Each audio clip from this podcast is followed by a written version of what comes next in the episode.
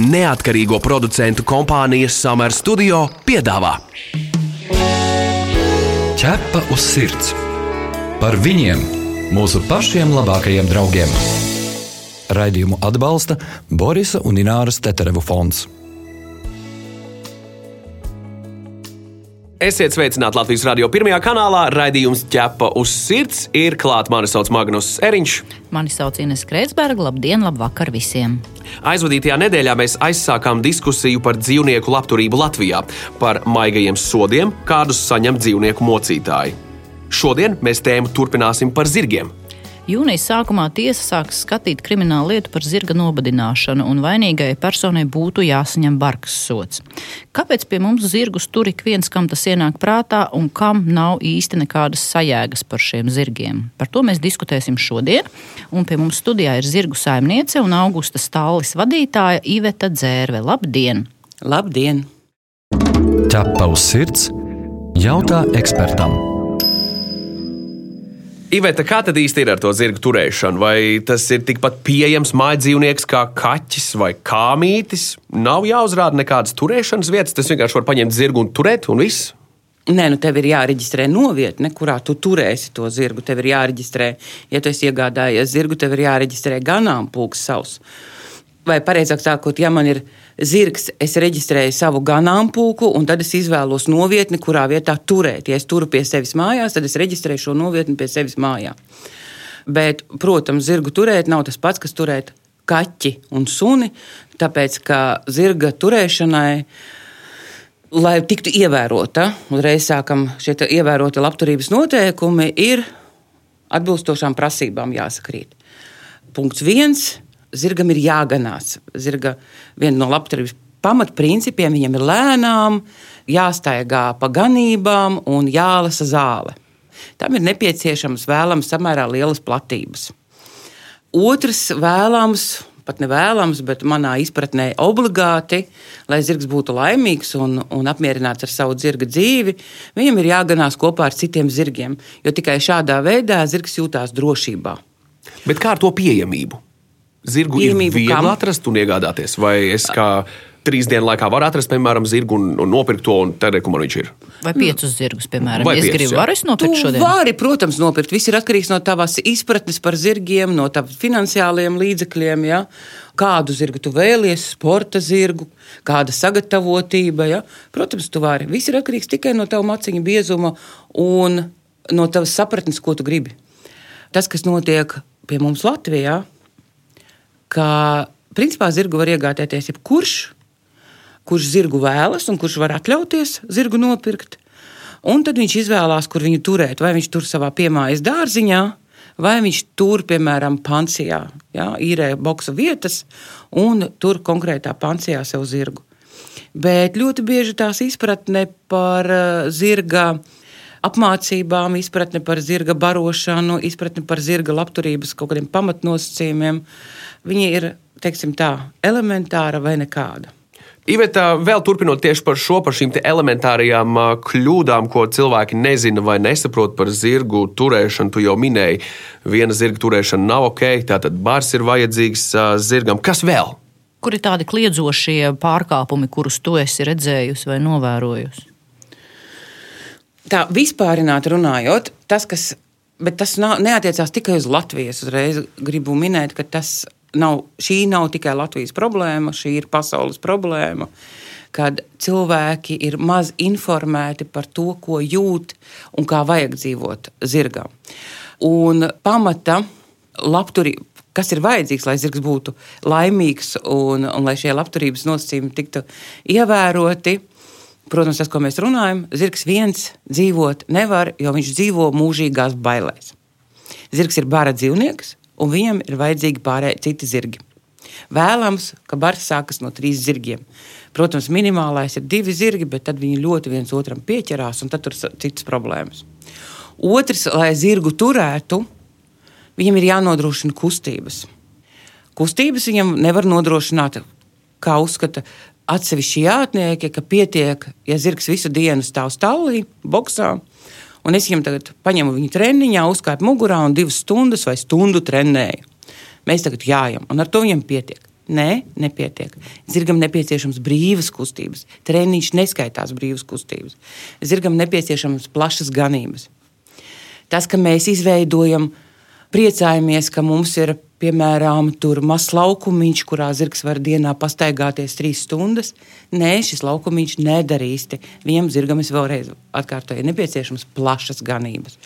Nu, un, protams, zirgam ir nepieciešama atbilstoši pareiza barība. Ja? Un barība vispareizāk, vislabāk ir lūk šajās plašās ganībās pieejama zāle, kur viņš pakāpeniski kustoties, šo zāli ēd. Ja tavs sirds skaidro faktus, Bet vai nav tā, ka zirgi tomēr cieši visvairāk, jo par tiem cilvēkiem īsti nu, nav tik daudz informācijas? Nu, piemēram, kaķa suņu uzvedību varbūt cilvēki vairāk spēja atsekot, bet kā ar zirgiem, tur varbūt tās, nu, tās izpausmes grūtāk nolasāmas, kurā brīdī zirgam sāp vai, vai kurā brīdī zirgs cieš. Nu, kā suns smilks, kaķis ņauda, zirgs reti izrāda mm -hmm. sāpes, un cilvēkiem rodās tā ilūzija, ka viņam taču nekas nekaita. Jā, un atkal te mēs runājam par to sabiedrības izpratni vai zirdzinieku vai zirgu īpašnieku izglītošanu, kas, manuprāt, es, protams, varbūt tās daudz nezinu, bet, manuprāt, Latvijā ir samērā zemā līmenī. Tagad pēdējā laikā es redzu, ir kaut kādi semināriņi, kuros to apmāca, bet, nu, diemžēl, Latvijā nav tādu speciālisti, kas ir beiguši labas skolas un uh, var apmācīt cilvēkus par dzīvnieku un īpaši zirgu psiholoģiju. Un tā problēma ir tāda, ka sabiedrība, protams, nav pietiekami izglītota. Un arī zirga īpašnieki nav izglītoti, kā tad noteikt, vai zirgam sāp vai nesāp. Kā noteikt, vai zirgs jūt diskomfortu vai ne, nejūt diskomfortu. Un ir vairāki kriteriji, kādā veidā to no, no, nosaka gan pēc ķermeņa, gan pēc tā uh, saucamās sejas izteiksmes. Ja, ka zirgs vai viņš jūtas labs, la, laimīgs, vai viņš jūtas labi, vai viņš tajā brīdī cieš. Jo zirgam, kā bara dzīvniekam, un ne tikai kā bara dzīvniekam, zirgam kā potenciālam upurim, medījumam, kura medīs, viņam ir tendence slēpt savas sāpes. Instinkta līmenī viņš slēpj savas sāpes. Jo, ja es savas sāpes neslēpšu, jo man no bara viņas ir jānoslēp, nu, es Bars sapratīs, ka es esmu tas vājākais. Ja?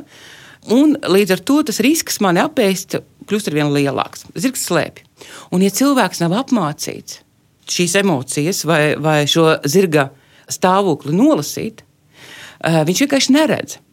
Viņš neredz, ka zirgam šobrīd sāp kaut kas. Jo ir tāds arī termins iemācītā bezpalīdzība saistībā ar zirgiem. Ja? Iemācītā bezpalīdzība. Zirgs ir iemācījies iemācījies dzīvot tieši šādi, lai izdzīvotu. Un otrs ir šis diskomforts no sāpēm. Nu, man pašai ir bijis gadījums, kad ir bijis tāds konflikts ar zirgu saimnieku. Es skatos, zirga saimnieks strādā ar savu zirgu, kurš klibo. Un es saku, mīļā, mana, tavs zirgs klibo, kāpēc tu liec viņam strādāt? Nu, bet kā drusciņi viņa saka, viņš tikai drusku klibo. Un es tikai drusku viņam lieku strādāt. Es saku, ok, tad brīdī, kad tev būs izmišķīta kāja, es tev tikai drusciņu lūgšu paskatīt 100 metrus. Ķerpaus sirds diskutē. Iveta, turpinājumā mūsu sarunai mums, un es ticu, arī klausītājiem, varētu šķist ļoti interesanti tavi komentāri par gaidāmo tiesas sēdi. Kādam vajadzētu būt sodam, tavuprāt?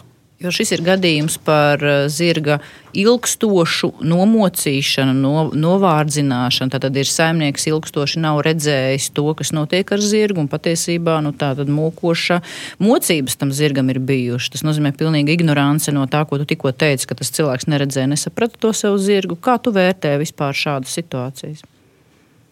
Nu, kā es varu vērtēt situāciju, kur cilvēks ar viņa attīstītām smadzenēm, nu, mēs esam. Jā. Homo sapiens jā. skaitāmies. Nespēja re, apzināti, nu, es uzskatu, ka kā tu vari neredzēt, ka tavs zirgs mirst badā. Nu, man tas nav saprotams. Jā. Man nav attaisnojuma. Es nebiju mājās, es neredzēju, es nezināju, vai jebkurš attaisnojums man ir nesaprotams. Tāpēc, ka tajā brīdī, kad mēs iegādājamies kaķi, suņi, suni, zirgu vai kāmīti, mēs uzņemamies atbildību par šo dzīvo būtni. Un punkts. Kādam vajadzētu būt sodam, es neesmu tiesa. Es nevaru to spriest. Es nezinu, kādi šai sievietei ir argumenti. Un citus aspektus, vienu, ko es varu pateikt, šis cilvēks kategoriski nedrīkst turēt vairs nevienu dzīvu būtni. Jā, bet, nu, piemēram, ja tiesa nu, atzīst konkrētus cilvēkus par vainīgiem dzīvnieku mocīšanā un nogalināšanā, kā tev liekas, vai sots aizliegt turēt dzīvniekus pietiekams? Ko tu domā par cietumu sodiem šādos gadījumos? Es domāju, ka mēs esam vispār ļoti humāna valsts, jā, tādā ziņā arī attiecībā pret cilvēkiem, kuri mums spīdzina, nogalina savus dzīvniekus. Jo šādi gadījumi, kā tu tagad saki, ka ir nobudināts zirgs līdz nāvei, nav vienīgie. Pagājušo gadu, man liekas, arī bija plašas diskusijas par, un es to Erzelu zināju, viņš bija dzīvojis arī mūsu stāvā savu laiku, kad zirgs bija no smagiem ievainojumiem, burtiski dzīves sapūs ja, un nomiris. Arī saimnieki nebija likušies nezinis. Nu, es domāju, ka tādus gadījumus Latvijā ir daudz zināmi un daudz nezināmi. Es domāju, ka mēs esam ļoti. Viens ir mēģinām saprast šo cilvēku, ja? mēģinām kaut kādā veidā viņu attaisnot. Un mans uzskats, ka viens no noteikti sodiem ir tāds, ka viņš nekādā gadījumā nedrīkst vairs turēt dzīvniekus. Otrs, protams, kādi ir šie kontrolējušie mehānismi, lai viņš neturētu viņus. Ja? Jo viens ir aizliegt, otrs ir pārbaudīt, vai viņš tiešām šo ievēro. Un trešais ir uh, reāls cietumsots. Jā. Jo tajā brīdī, kad būs piemērs par to, ka, piedod, bet ja tu nogalini dzīvnieku, jā, tavā dzīvē arī mainās ļoti kardinālas lietas. Varbūt tas nākamais cilvēks tomēr izvēlēsies neturēt to dzīvnieku.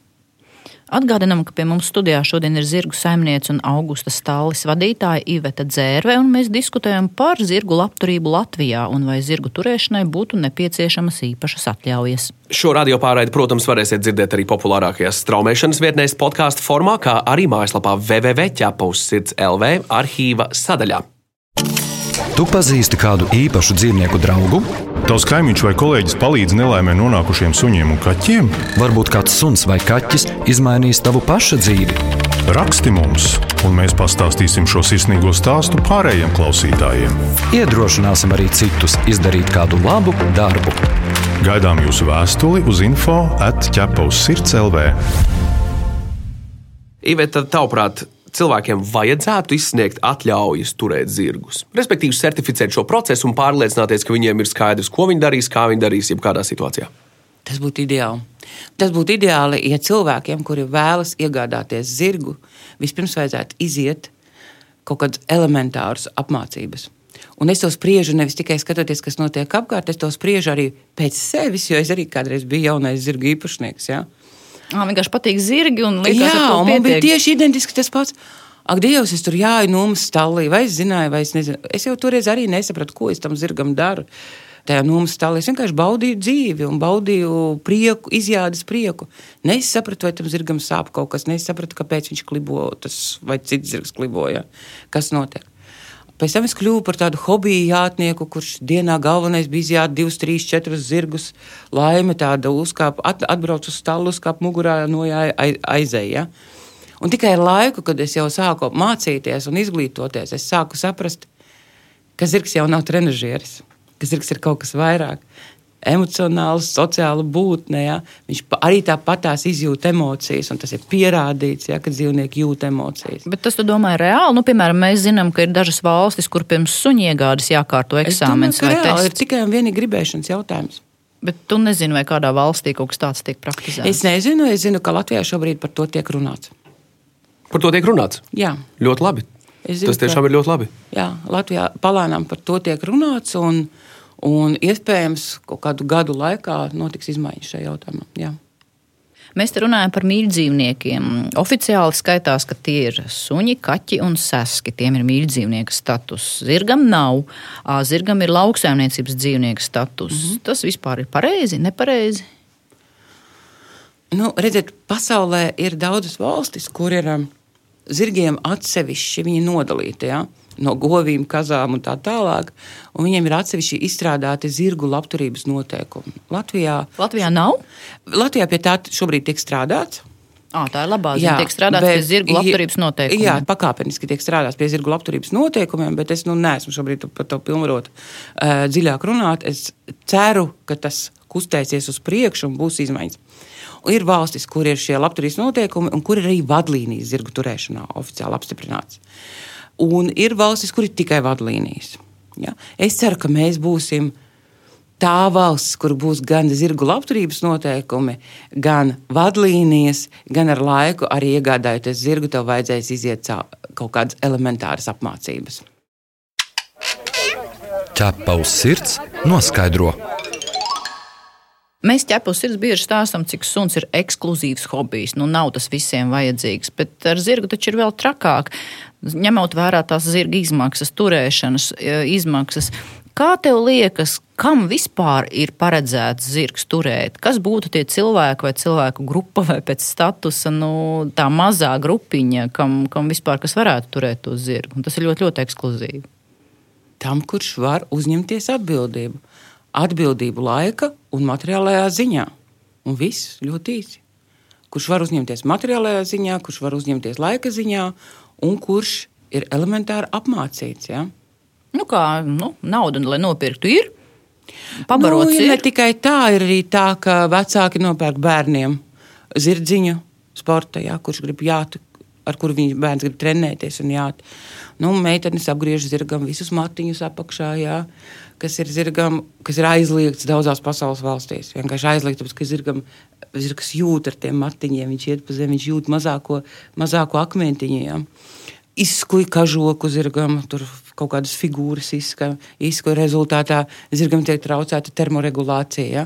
Apgriež krēpes, tāpēc ka tas taču beigas forši. Nu, Priekš kā manam zirgam garas krēpes izskatās pēc tāda. Ja? Es labāk apgriežu vispār īsi un izlaižu viņu ārā. Tad brīdī, kad viņam nav krēpes un īsa aste, tad atkal viņš nevar pasargāt sevi no dunduriem, mušām un nevar vēdināt to savu kaimiņu draugu. Ja? Nu, tur redzi, lai pirms tu kaut ko dari, tev ir jāzina, kāpēc to nedrīkst darīt. Jo daba jau kaut kādā sakarā to visu ir izdomājusi, ka tā tam vajag būt. Domājot par to, kāpēc vispār cilvēki tur uh, zirgus. Nu, ja mēs ņemam analogijas un salīdzinām, piemēram, ar suņiem, suņu sargā māju, bet, nu, ja tā skatāmies zirgs, tad to lauku arī vairs near tur ir. Traktors tam domāts. Kā ir? Kāpēc cilvēki tur zirgus? Un Tāpēc, arī bezatbildīgi cilvēki. Tāpēc, ka man patīk zirgs. Zirgs ir spēcīgs, zirgs man asociējās ar ar neatkarību, ar brīvību. Mans sapnis vienmēr ir bijis, ka man būs zirdziņš. Un tāpēc es nopērku savu zirgu. Var, es, es pielāgoju šo zirgu, un te ir tā mūsu izvēle. Vai iegādājoties zirgu, mēs pielāgojam zirga turēšanu un uzturēšanu savām iespējām, vai mēs darām visu, lai zirgam nodrošinātu laimīgu zirga dzīvi. Diemžēl 90% mēs pielāgojam zirgu savām iespējām un izpratnē. Bet tas nav pareizi. Protams. Tas tā līdzīgi ir tāpatās ar suņiem. Jā. Suns, suns tiek turēts pie ķēdes, un, kad tu pajautā cilvēkam, kāpēc tev vajag suni, viņš saka, man patīk suņi. Jā, man patīk zirgs. Kāpēc tev mājās ir zirgs? Kāpēc tev viens zirgs ir mājās? Nu, kāpēc tev viņu vajag? Tur viņi neko, ne, tur viņi neko nedara. Tu viņam nekādā veidā ar viņu nekomunicē. Tev viņš vienkārši stāv tur. Ja? Tāpēc, ka man patīk zirgs. Bet, ja mēs merkantili pieiesim šai lietai, un cilvēks to redz kā investīciju, viens zirgs teorētiski savu investīciju zaudē. Ja mēs, nu, ja mēs tā skatāmies, iztērēja iztērē 10 tūkstošus par zirgu ar domu tādu, ka es to zirgu pārdošu vēlāk par nu, 20, 15 vai vienalga. Nu, īsti tas tā nestrādā. Investīcija tā nav, jā? Ja? Zirgs nu, var būt investīcija. Tas ir zirga audzētājiem, ja mēs runājam par zirga audzētāju. Mm -hmm. ja? Tas, Bet tā privāta persona ir nopērta. Primitīvi mēs tagad, jā, privāta persona iztērēšu 10 tūkstoši, lai viņi pārdotu par 20. Man vienkārši ienāca prātā, varbūt ir cilvēki, kas tādu, nu, tādu motīvu vadīt iegādājas. Latvijā vairāk uh, mums ir jānodala, par ko, ko mēs runājam, ar, par kuru auditoriju. Ja? Vai mēs runājam ar hobijniekiem, vai pat vēl vairāk. Vienkārši zirgu turētāji, kuriem zirgi ir tāpēc, ka viņiem zirgi patīk. Nu, piemēram, es esmu tāda. Ja? Man zirgs patīk, Man tas ir bijis sapnis visu mūžu, es arī savulaik esmu bijis hobija jātnieks. Pēc tam es, man ļoti patika zirgus trenēt, apmācīt dažādām metodēm, tā saucamajām humānajām. Ja? Un šobrīd es esmu stadijā, kad man vienkārši patīk zirgu pētīt. Man patīk pētīt viņu psiholoģiju, uzvedību, kā bars dzīvo, analizēt, cerībās, ka es kādreiz par to varēšu kaut ko materiālu uzražot. Ja? Es domāju, kaut kādu gara darbu. Uh, ir sportisti, kuriem zirgs ir sportam. Tas ir, ja? Un atkal sportisti arī ir dažādi. Un ir hobijnieki. Nu jā, bet un tas ir, nevienā gadījumā neatceļ labturības izpratni. Nevienā gadījumā tas neatceļ labturības pamata principus. Un es šajā gadījumā gribu teikt, ka es esmu sastapusi cilvēkus, kuri trenē ikdienā olimpiskos zirgus un kuru izpratne par labturību ir daudzkārt augstāka Latvijā ja, kā cilvēkiem, kuriem ir savi hobija zirgi ikdienā. Ja? Tādām meitenēm vai, vai cilvēkiem, kuri ir viens, divi zirgi un kuri tur kaut kur viņus pancē. Tā kā, līdz ar to es noteikti neesmu no tiem, kas teiks, o, oh, sporta zirgs tas ir slikti, ja sportā. Nu, nē, es esmu šobrīd redzējis dažādus piemērus. Tu esi mans draugs, ķepus sirds.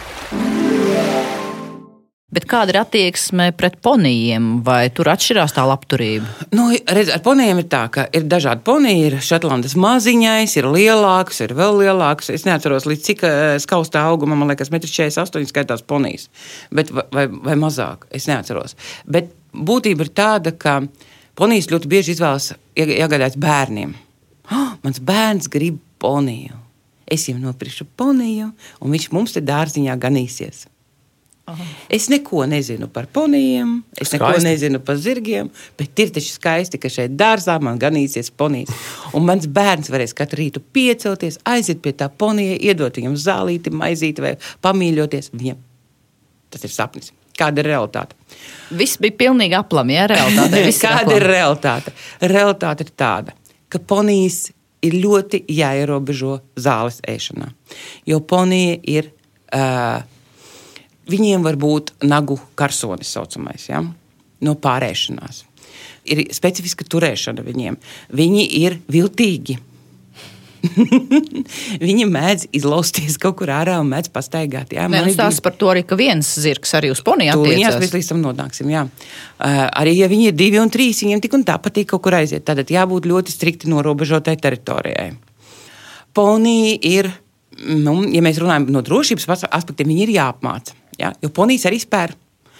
Jo viņš ir mazs zirdziņš, bet viņš tomēr uzskata, ka viņš ir garā liels zirgs. Ja? Un, ja viņš nav pareizi apmācīts, viņš spēr ļoti precīzi un sāpīgi. Viņš maz iekost, ja? viņš ir tāpat kā lielais zirgs, tieši precīzi tāpat jāapmāca tas mazais, mazais spītīgais ponijs. Uh, otra kategorija ir, uh, tad tas viens ir tas mēs turam poniju, izrāda kā suni. Nu, tad mēs redzam, ka viņš laižās projām kaut kur, jā, tad mēs viņu pieķēdējam pie ķēdes, lai viņš neskrien nekur prom. Mēs, protams, nepadomājam, ka viņam vajag arī elementāru nojumi, kur viņš var paslēpties karstā laikā. Ja? Tad viņš saslims ar laminītu.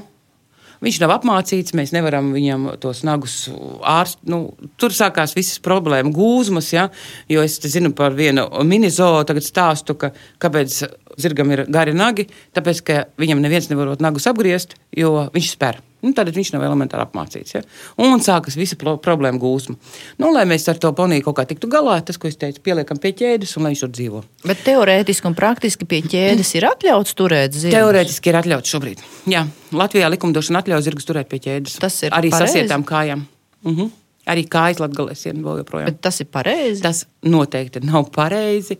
Tas neatbilst nekādiem zirgu labturības pamata nosacījumiem normālās attīstītās valstīs. Pat ja ķēde ir 10 vai 20 nē, metrus gara. Nē, zirgam ir jāpārvietojās brīvi. Un, ja tu nevari nodrošināt savam zirgam šādu brīvu, ierobežotu kustību, nu, tad tev to zirgu nevajag. Lūk, ir lielā, ir zirgi, ar kuriem bērni mācās jāt. Tad bērni, protams, bērns izaug, un tas zirgs ir tik pārdots nākamajam bērnam. Un tad viņš aiziet tā pa rokām. Bet nu, tas ir, to nevienam nevar nosodīt. Jā. Visur kopā - ķepus sirds. Suņus un kaķus mēs zinām, ka glāb dzīvnieku patvērsmes, bet kas glābi zirgus? Nu, piemēram, ir izdevies izglābt no kāda ļauna saimnieka, izpirkt, ir izdevies. Kur, kur, kur tālāk likt? Es varbūt varu izpirkt, piemēram, bet es nevaru turēt viņu. No, nu, ja tu vari izpirkt, tad tev ir jāmeklē, kur, kur viņu turēt. Ja? Nu, man te pavisam nesen ieteica uh, izpirkt vienu zirgu, kas dzīvo dramatiskos apstākļos. Ja? Tad jau es jau teicu, ka man ir pusstāli šādu zirgu, ja? kur ir izpirkti vai nonākuši pie mums, lai viņi neaizietu pa rokām vai nenonāktu sliktos apstākļos. Bet Latvijā man liekas, ka pat īsti, ja piemēram Lielbritānijā, zinu, ir veseli centri, kuriem ir zied, milzīgi uh, mecenātu atbalsti, ja?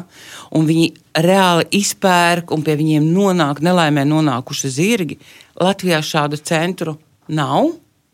Varbūt es nezinu, viena biedrība, bet es domāju, ka arī viņu finanses ir ierobežotas. Un principā tas zirgs, kurš ir nelaimīgs un nonācis traģiskā situācijā, viņa vienīgā cerība, ka viņš nejauši viņu kāds ieraudzīs ar plašu sirdi un ar zināmiem līdzekļiem, lai viņš, var, lai viņš varētu tikt glābts. Bet vēl jau ir jautājums par tā konkrētā saimnieka gribēšanu, lai viņa zirgs tiktu glābts. Un vai tas konkrētais saimnieks vispār saprot, ka tas zirgs ir jāglābj? Tur jau sākās vesela rinda ar Nu, problēmām. jā, bieži grūti ir glābt no pašiem saimniekiem, Jā. arī suņus un kaķus. To Tieši mēs tā. zinām. Tieši tā. Nu, tad uh, saliksim punktiņus uz i un uh, runāsim par to, kā mēs varam palīdzēt, kā mēs varam glābt zirgu. Kā var saprast, vai tam vispār ir nepieciešama palīdzība? Jo, cik saprotu, pārsvarā gadījumos tev nevietā zirgus piedāvā glābt tos piebarojot bez atļaujas. Tad taviem zirgiem, eh, kā, kāds ir izdomājis, ka taviem zirgiem ir vajadzīga papildus barība. Ja? Tad kur mēs glābjam, tur, kur to nevajag un kur varbūt mums vajadzētu glābt? Es domāju, ka, ja mēs gribam kādu zirgu glābt, ir vispirms jāzvan nevis bez tabū, vai jāliek šokējošas ziņas uh, Facebook. Piemēram, kāpēc zirgs ziemā staigā ārā, pa āru, ja? nu, laukā? Nu, kāpēc? Kāpēc viņš ir izmests laukā, tur sniega, puteņo, un viņš ir izmests laukā? Viņš ir priecīgs, ka viņš ir laukā. Sāksim ar to, ja? ka viņš nesēž boxā. Viņam tas patīk, viņam ir forši. Viņam tāpēc ir kažoks. Ja? Bet vispirms painteresēties pie kāda profesionāļa vai eksperta, vai uzzvanīt kādai biedrībai un pajautāt, kaut kā jums liekas, vai šajā gadījumā tiek pārkāptas tiesības vai nē. Nu, sāksim ar to, ja tas ir nomas punktā, zirga nomas punktā. Tev uzliek zirga mugurā plus 30 ārā grādi. Tev liek jāt trīs stundas. Tas jau ir labturības pārkāpums. Jā, trīs stundas neapstājoties. Un tā kā rīktīgi jāt, jā, rīkši tur soļi, tur, tur, tur. Protams, atkal ir jāskatās. Ir atsevišķas disciplīnas, kur tas ir ok, bet es domāju, ka tas nav nomas punkts. Ja? Ir atsevišķas sporta disciplīnas, kur lielākā slodzē zirgi ir pieraduši iet. Bet nodalām šo sportu no, no, no zirgu nomas. Ja te uzsēdina zirgā, un viņš klibo, un tev saka, jā, droši, viņam jau nesāp. Kāpa nost un ziņo par to e, tam pašam PVD. Jo klips zirgs nozīmē, ka viņam sāp. Viss ar to mēs arī. Ar to nu, tur vispār nevar tālāk diskutēt. Ja tu redzi, ka zirgs smagi elpo, par Marijas zirga nomā, ja, un viņš iet un viņam būtiski krāts, ja, viņš smagi elpo, tad tam zirgam ir, zirgs ir slims, kāpnost, nejāja ar viņu. Un tā tālāk ir vairākas, nu, ir nianses, kuras vienkārši mēs redzam. Bet pirms mēs, ja mēs neesam eksperti, pirms mēs protestējam, nu, ir vērts parunāties ar, ar ekspertiem, vai tiešām šajā gadījumā uh, tie zirga labturības noteikumi tiek pārkāpti. Visbiežāk jāskatās tieši zirga nomas punktos. Jā.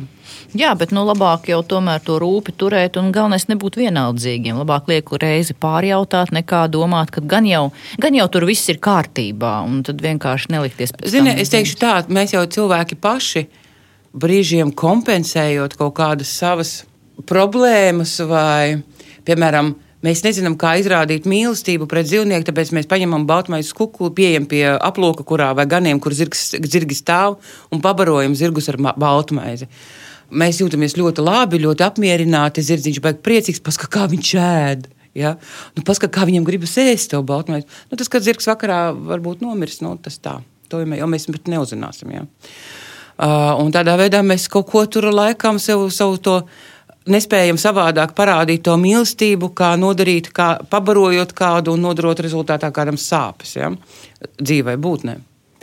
Paldies, Iveta, par šo diezgan izklāstošo epizodu raidījumā ķēpa uz sirds, par to, ka varējām izprast krietni vairāk nekā līdz šim liela daļa no mums par to, kā ir būt un dzīvot kopā ar zirgiem un kā būt zirgu saimniekiem. Plus, jā, paldies par pamācībām un par jā, izpratnes veidošanu visu šī sakarā. Lūdzu! Šodien pie mums studijā bija zirgu saimniece un augusta stāles vadītāja Iveta Dzērve. Paldies par sarunu! Mūrāģam, ķepa uz sirds! Atgādinām, ka ķepus sirds TV raidījumam varat sekot līdzi katru sestdienu, pulksten 11.15 un atkārtojumā svētdienās LTV1. Mēs arī gaidām jūsu jautājumus, ierosinājumus, idejas, sižetiem. Rakstiet mums info atķepaussirds.lv. Bet šajā raidījumā tas ir arī viss. Mani sauc Inese Kreitsberga. Mani sauc Magnus Eriņš. Raidījumu veido neatkarīgo producentu kompānija Summer Studio. Visu labu! Atā! Ķepa uz sirds! Informatīvi izglītojoši raidījums par dzīvnieku pasauli un cilvēkiem tajā. Raidījumu atbalsta Borisa un Ināras Teterevu fonds.